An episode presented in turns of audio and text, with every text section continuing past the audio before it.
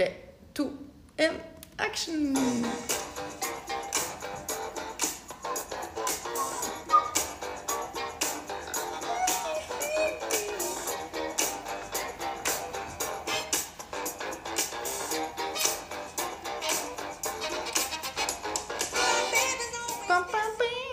Ja, velkommen til podkast.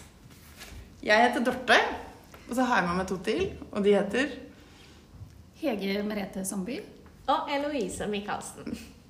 Du hører på denne podkasten fordi du skal i ganske nær fremtid ha undervisning om skole-hjem-samarbeid og øve deg på å ha utviklingssamtale.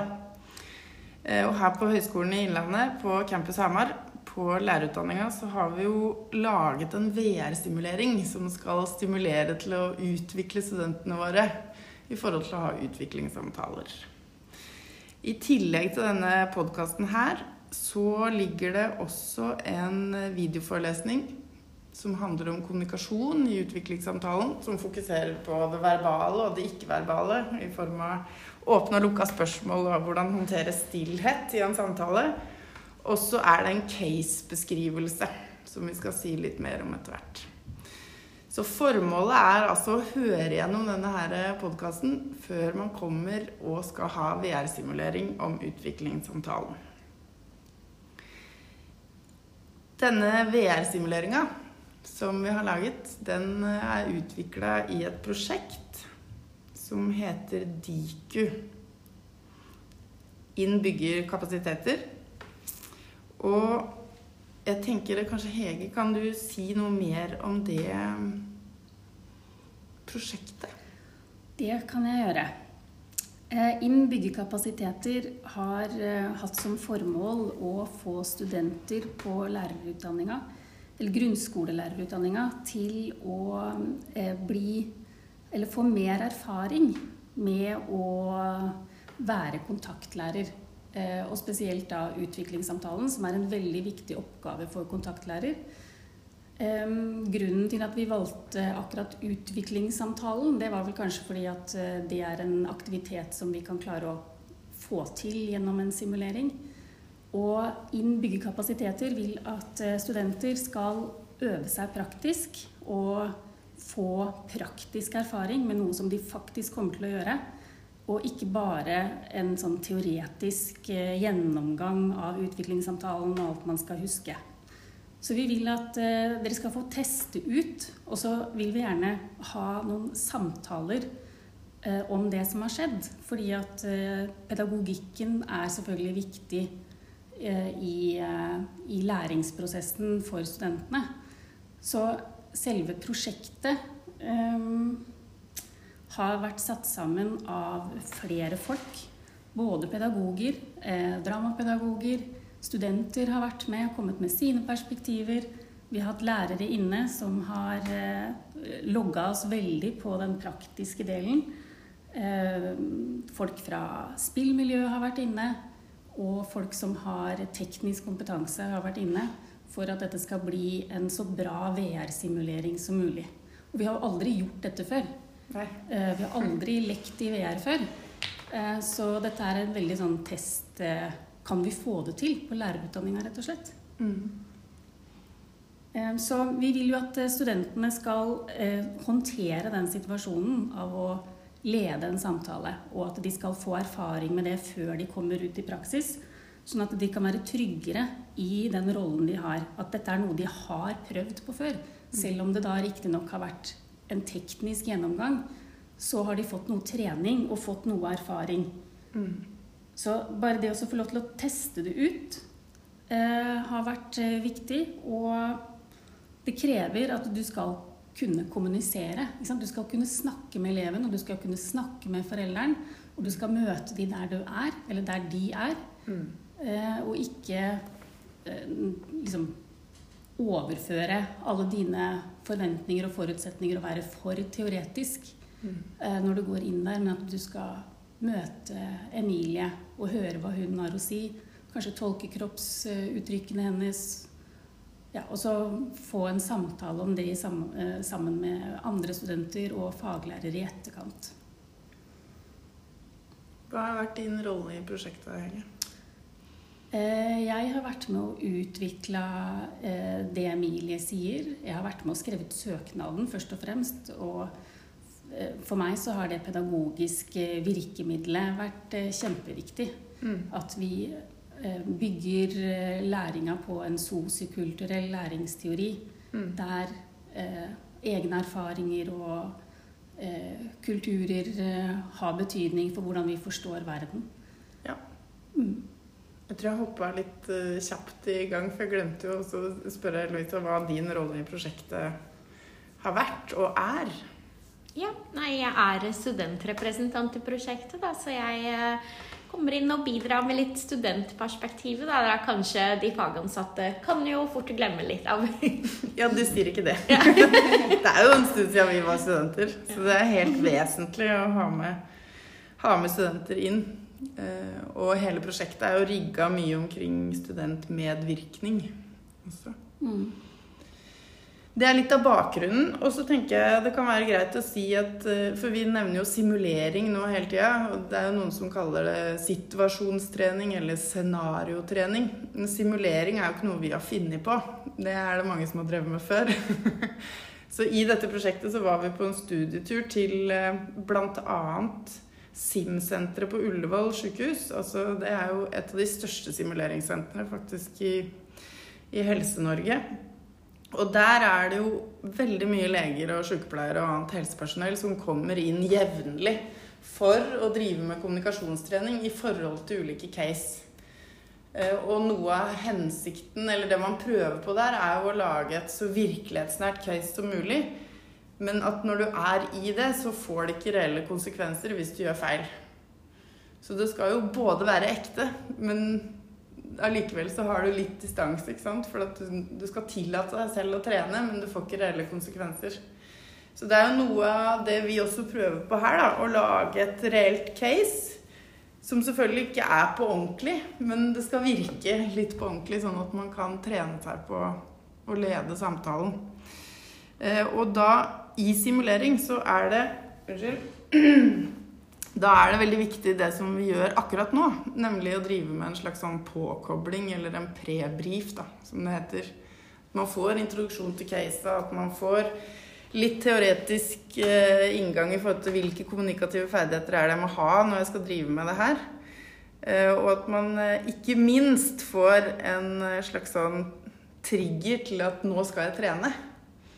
Jeg tror noe av det viktigste som de sier på Oslo Sim også, er jo at her er lov å feile. Du skal prøve å feile. Det er noe med hensikten. Og da må man jo ha en slags sånn treningsånd, eller hva man skal si. Man må komme litt sånn i treningsmodus. Eh, og da tenker jeg at det er eh, viktig at man kan tillate seg å ha, sånn, ha det litt gøy. For det er liksom når man skal trene og prøve noe for første gang, eller så er det alltid greit du kunne senke skuldrene litt og puste litt med magen og bare hoppe i det på et vis. Så jeg tenker at eh, vi, kanskje vi skal dvele litt ved det. Hva er det som egentlig skal til for å få til en god trening sammen? Hva tenker vi om det? Um, jeg tenker at uh, selvfølgelig så har jo uh, denne simuleringen Nå kaller jeg det en simulering. Ja. Denne simuleringen har jo et læringsformål. Mm. Men hvis vi hele tiden skal tenke på at vi skal kunne krysse ut av hva vi har lært, mm. så glemmer vi noen ganger å være i situasjonen. Så det å være, bare være der, teste ut hvordan reagerer jeg på det, hvordan, hva er det jeg sier Oi, nå sa jeg noe rart. Ja, ja. Mm. Jeg har også hørt at studenter som har prøvd å teste ut dette caset uten at det har vært en VR-simulering, men bare i rollespill, de har forsøkt å teste ut ulike lærertyper. Og da har de opplevd eh, Og da har de lekt i konseptet. ikke sant? De har eh, forsøkt å være streng, de har forsøkt å være veldig mild. Mm. Og så har de opplevd at eh, reaksjonene de har i de situasjonene, har vært forskjellige. Så det er vel noe med bare å, å teste det ut og ikke være så innmari opptatt av at jeg skal gjøre det riktig. Mm. Men bare uh, være, være, akkurat der akkurat da. Og når du er ferdig og går ut døra, så er det ingen som har satt noe eh, karakter. Det er ingen som har noen formening om eh, eh, hva som var rett og hva som var, hva som var galt, men bare at man har vært der. Mm. Mm, Eloise, du har jo vært med å utvikle det, og du har vært med å teste litt. Hva tenker du om det? Hva skal liksom til for å få til en god treningsøkt sammen fra studentperspektivet her?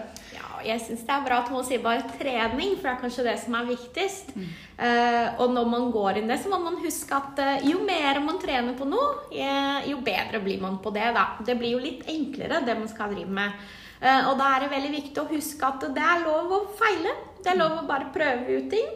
Um, og du må huske at eh, utviklingssamtale det er noe du skal gjøre veldig mye når du blir lærer.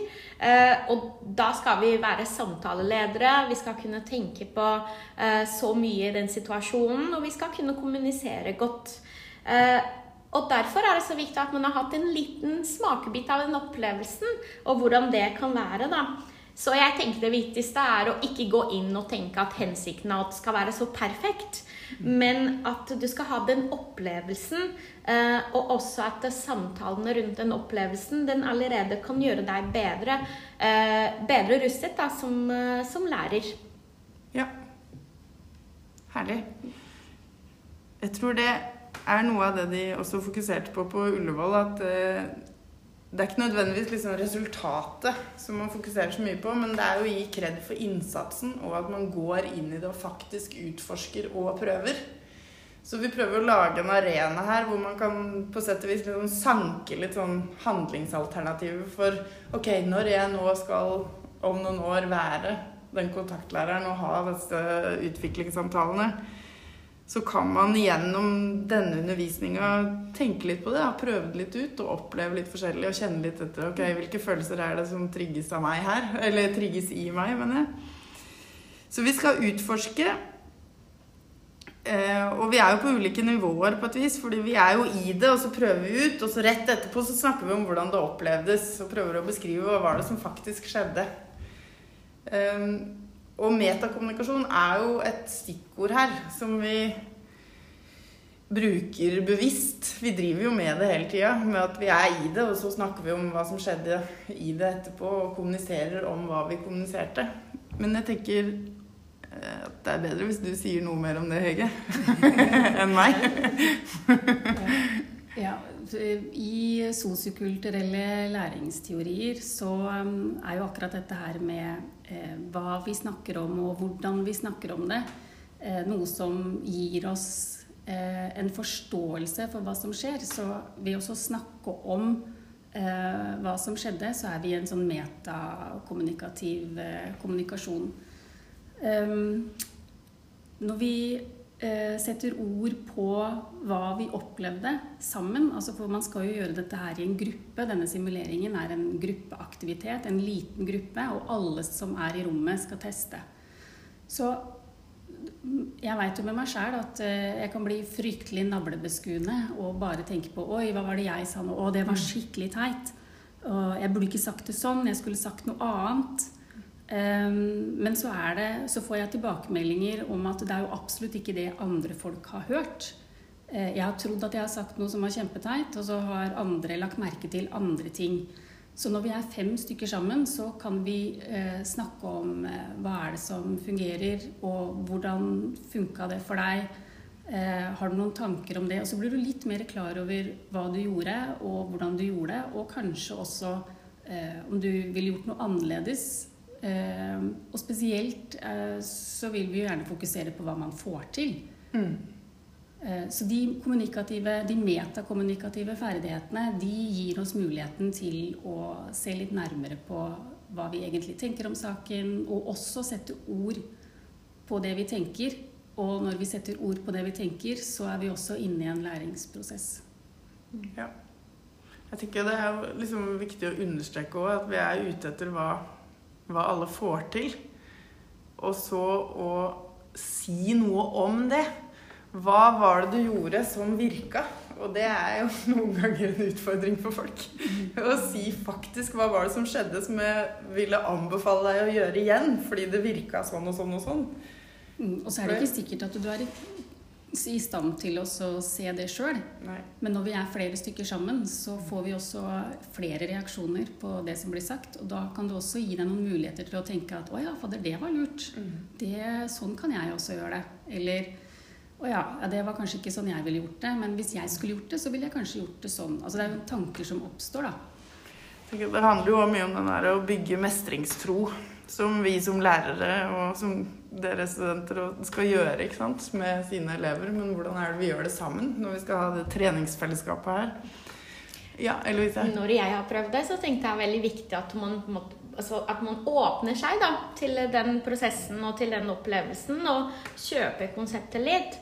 Eh, så jeg har, etter de samtalene så har jeg utvikler veldig mye selvinnsikt, vil jeg si, rundt min egen kommunikasjonsstil.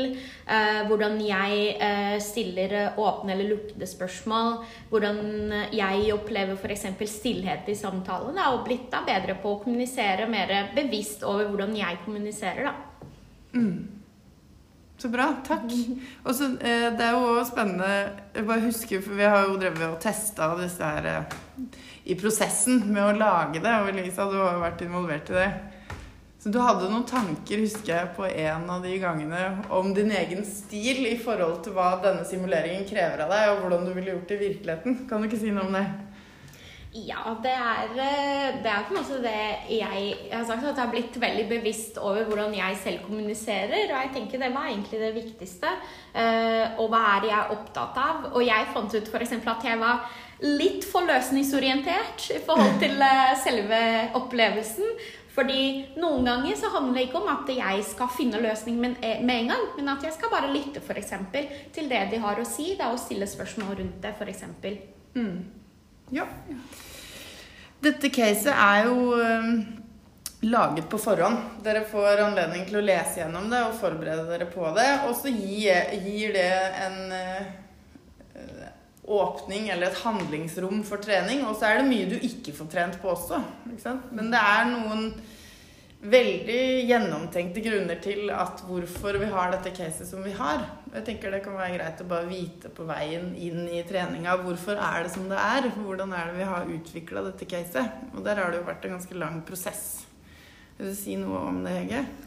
Eh, ja, det kan jeg gjøre. Eh, først og fremst så var det jo Vi, vi lurte veldig på eh, hvem er det studentene skal møte? Eller hvem er det som skal sitte når du tar på deg headsetet? Hvem er det du ser?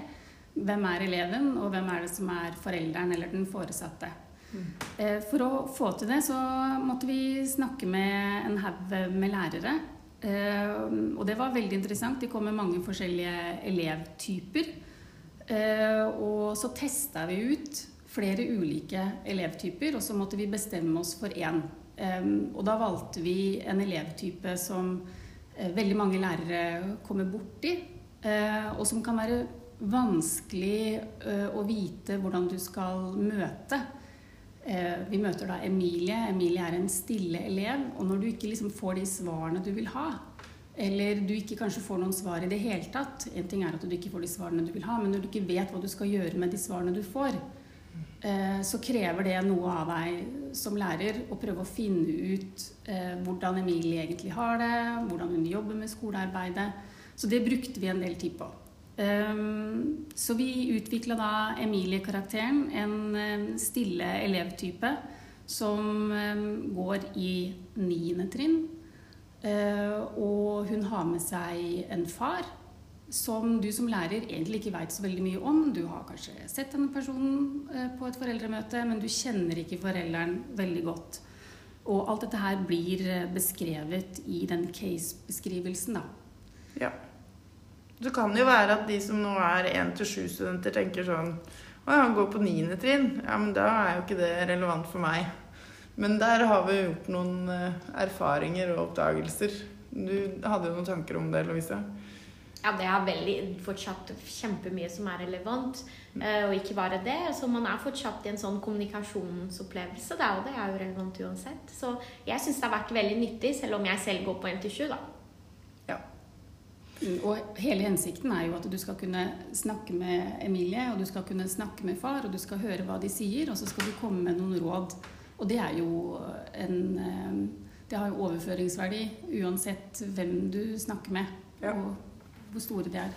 Det er sikkert noen av dere som hører på, som har prøvd VR-briller før, og noen som ikke har gjort det før. Så man stiller jo liksom ulikt i forhold til erfaringsbakgrunn. Men de aller fleste som har prøvd denne simuleringa, har jo sagt når de tar av seg brillene, at jeg glemte hvor jeg var. Man blir sånn sugd inn i det, uavhengig av hvilke studier du går på, eller om du er rektor, eller om du er faglærer her på høyskolen. Mm. Så jeg tenker det å bare få utforske og prøve litt ut og ha det litt moro i det, er viktig. Den eh, utviklingssamtalen har jo en struktur, og det kan jo kanskje være verdt å nevne. Den strukturen som dette, denne samtalen har. Mm. For um, det er jo helt vanlig at uh, lærere både skal snakke om det faglige kompetansenivået som eleven er på, og det sosiale kompetansenivået som eleven er på. Så vi har delt det inn på den måten at det er en faglig del, og så er det en sosial del. I den faglige delen så eh, snakker man om måloppnåelse. Um, vi veit at Emilie er en stille elev, og vi veit at eh, det å være muntlig aktiv er en viktig del av eh, det å være på skolen. Så når Emilie er så stille, så er også dette her med å være muntlig aktiv en del av den faglige kompetanseutviklingen. Og i tillegg hvordan man jobber med skolearbeid. Så det er en del av den faglige kompetansen som du som kontaktlærer er nødt til å ha en samtale med foreldre og elev om. Og så er man jo også opptatt av hvordan sosiale, den sosiale kompetansen til eleven er, men også hvordan eleven har det. Så vi snakker også om elevens trivsel og om klassemiljø. Så strukturen er da en faglig del og en sosial del, og så er det forskjellige delemner innafor hver av de hoveddelene. Ja. Og jeg tenker inndeling av hvem som skal gjøre hva, og måten dette skal foregå på, sånn, det gjør vi jo når vi kommer på campus og skal prøve å uh, sluse folk inn i en litt sånn uh, barnlig, uh, lekaktig atmosfære, forhåpentligvis. Jeg tenker at det er verdt å merke seg at en av de periodene kanskje i livet hvor vi lærer mest, er jo når vi er barn. Vi prøver og vi prøver og vi prøver, og vi rollespiller og vi later som om og vi holder på. Og det er ofte et smil om munnen mens man holder på med det. Så hvis vi tar med oss det, så kan det hende at vi kommer dit sjøl også i her i denne undervisninga. Så jeg tenker avslutningsvis eh, Kanskje vi har sånne hotte treningstips. Altså, det er jo meninga at denne podkasten skal bidra til at man blir sånn trigga til å trene. Og jeg for min del, jeg vet ikke om det er sånn veldig politisk korrekt å si, men jeg sier det likevel. Jeg pleier å si til meg sjøl når jeg skal prøve noe sånn Have fun, go mad. Det går jeg liksom og sier inni meg. Og prøver å bare Ok, kom igjen, Dorte. Det her blir bra. Nå skal du liksom ha det Senk skuldrene ha det litt moro sammen. Du må bare hoppe i det. Har dere noen sånne ting som dere sier til dere sjøl? Ja, jeg tenker bare senk skuldra. Mm. Så dette er gøy. Um, og det er ikke det er ikke noe feil med det. Mm. Uh, og også at det er viktig at man bare er åpen om å snakke sammen om egen opplevelse og refleksjoner etterpå. da. Mm. Ja, hvis, eh, hvis jeg skal gjøre noe jeg ikke er så veldig komfortabel med, så pleier jeg å gire meg opp med litt musikk. Ja, på, og få opp eh, adrenalinpumpa og tenke You go, girl. Herlig. Så bra. Så i tillegg til denne podkasten så ligger det jo en videoforelesning med kommunikasjon i utviklingssamtalen, og det er et case som dere skal få kikke på. Og så kommer vi til å møtes og gjøre VR-simulering i undervisning om ikke så lenge. Hei ho, let's go.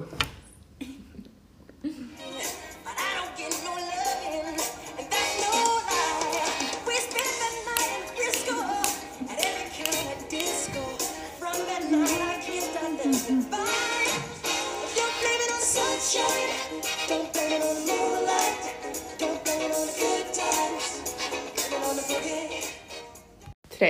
to, én, action!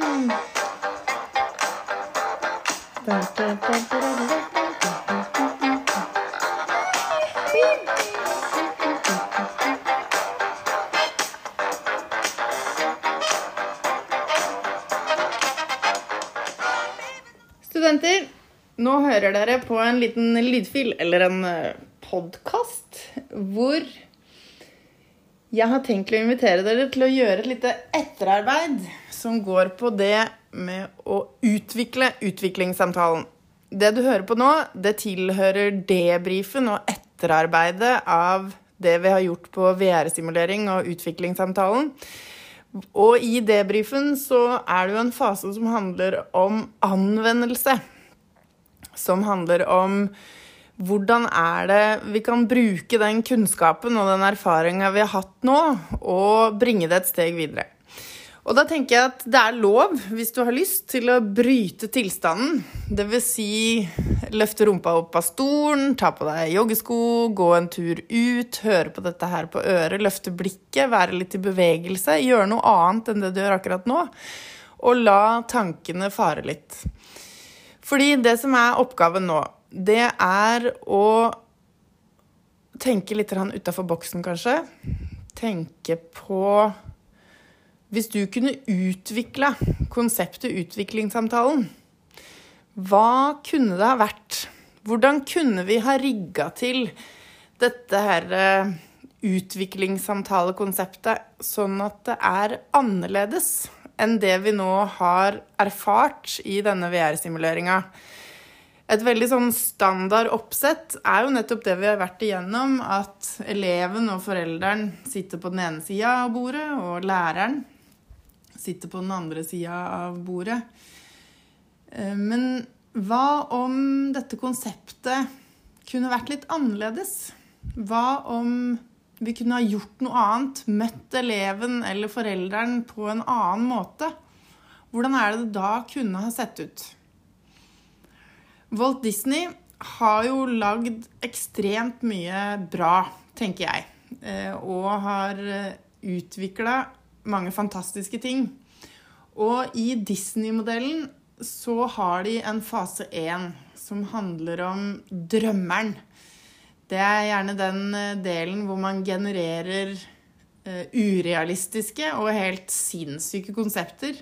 Hvor, vi, hvor, mye av det man ønsker seg, og det man gjør, er jo å si ja og til den idérikdommen som uh, kommer opp. Og grunnen til at jeg sier det nå, er jo at det trenger ikke nødvendigvis de ideene som eh, du har. Det trenger ikke nødvendigvis å være så realistisk. Det er ikke sikkert det er så gjennomførbart. Men det er noe med å gå inn i hva disse her ulike formatene eller konseptene av utviklingssamtalen kunne eller kan være. Ut fra hva du tenker nå. Så det er jo litt av de her entreprenørielle ferdighetene eller kompetansen vi også ønsker. Det her å tenke nytt, tenke litt annerledes.